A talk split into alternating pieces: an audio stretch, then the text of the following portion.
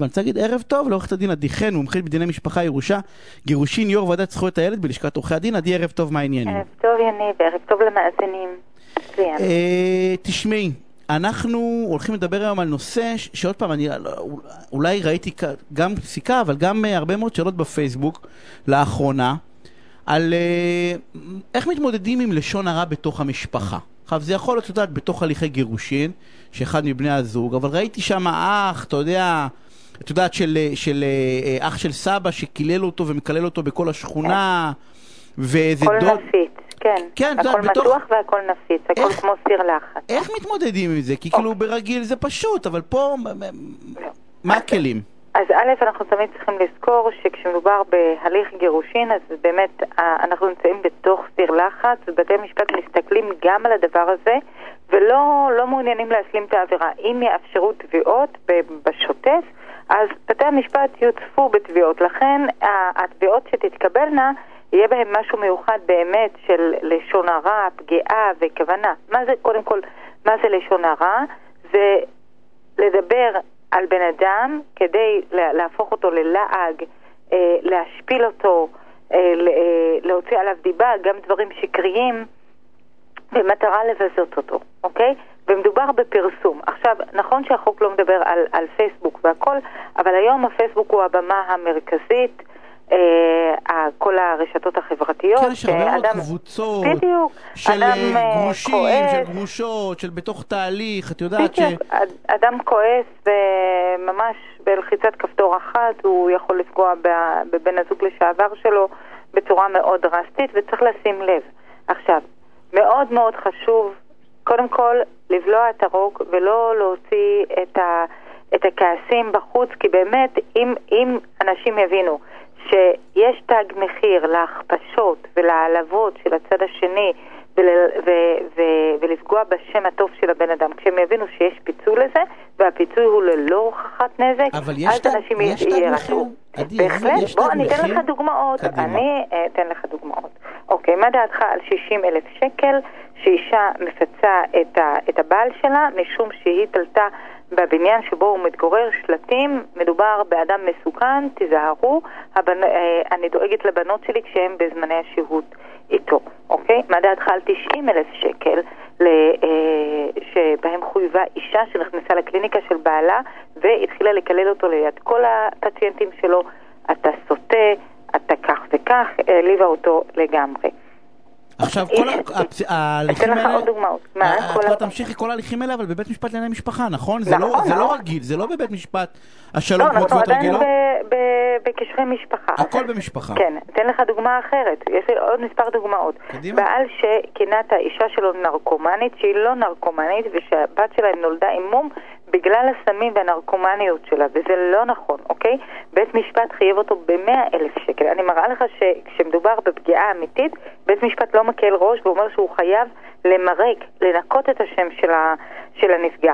אישה אחרת שקיללה את בת הזוג של, אה, של בעלה לשעבר, אוקיי, מבלי, מבלי שהיא עשתה לה שום דבר, 25 אלף שקל. אני אתן לך אבל מקרה שהוא די כואב, ולדעתי באמת קשה לי איתו, שבית המשפט לדעתי במקרה הספציפי הזה היה צריך לגלות צלחנות.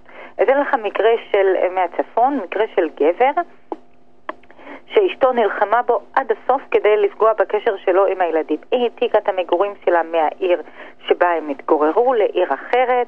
בגלל המרחק, אז מן הסתם זמני השהות הם מצומצמים, הוא רואה את הילדים שלו פעם בשבוע שלוש שעות וכל סוף שבוע שני.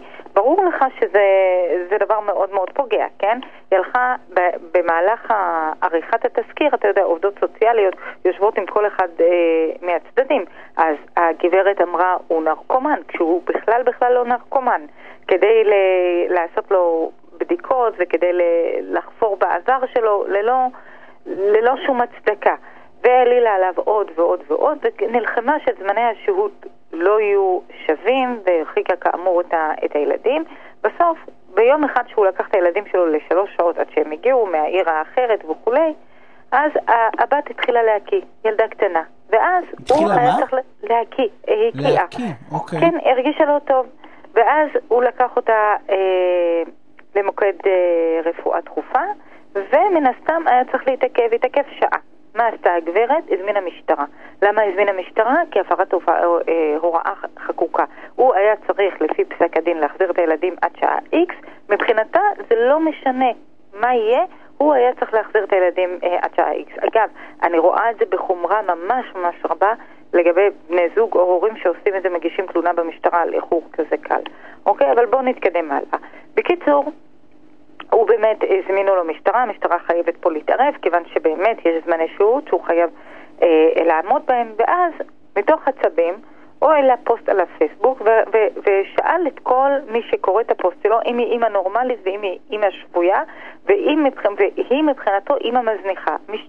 משתי סיבות א', היא פוגעת בקשר של הילדים שלו איתו ואז היא לא דואגת לטובת הילדים, וב' לא היה אכפת לה שהבת שלה מקיאה והיא במוקד לרפואה דחופה, ולכן מבחינתו היא אימא מזניחה. אז בית המשפט אומר, אה, ברור לי שהאימא היא לא מזניחה, אבל אני לא יכול לאפשר דבר כזה, וחייב אותו בגלל כל, הק... הוא, הוא הבין מסביב את כל התמונה בכללותה, ולכן הוא חייב אותו בסכום סמלי של 15,000 שקל, ועוד 5,000 שקל אה, שכר טרחת עורך הדין שלה. אה, אני, קשה לי עם הפסק הדין הזה. את יודעת מה מדהים אותי? כן. שבלשון הרע בבית משפט אזרחי הסכומים הרבה יותר נמוכים.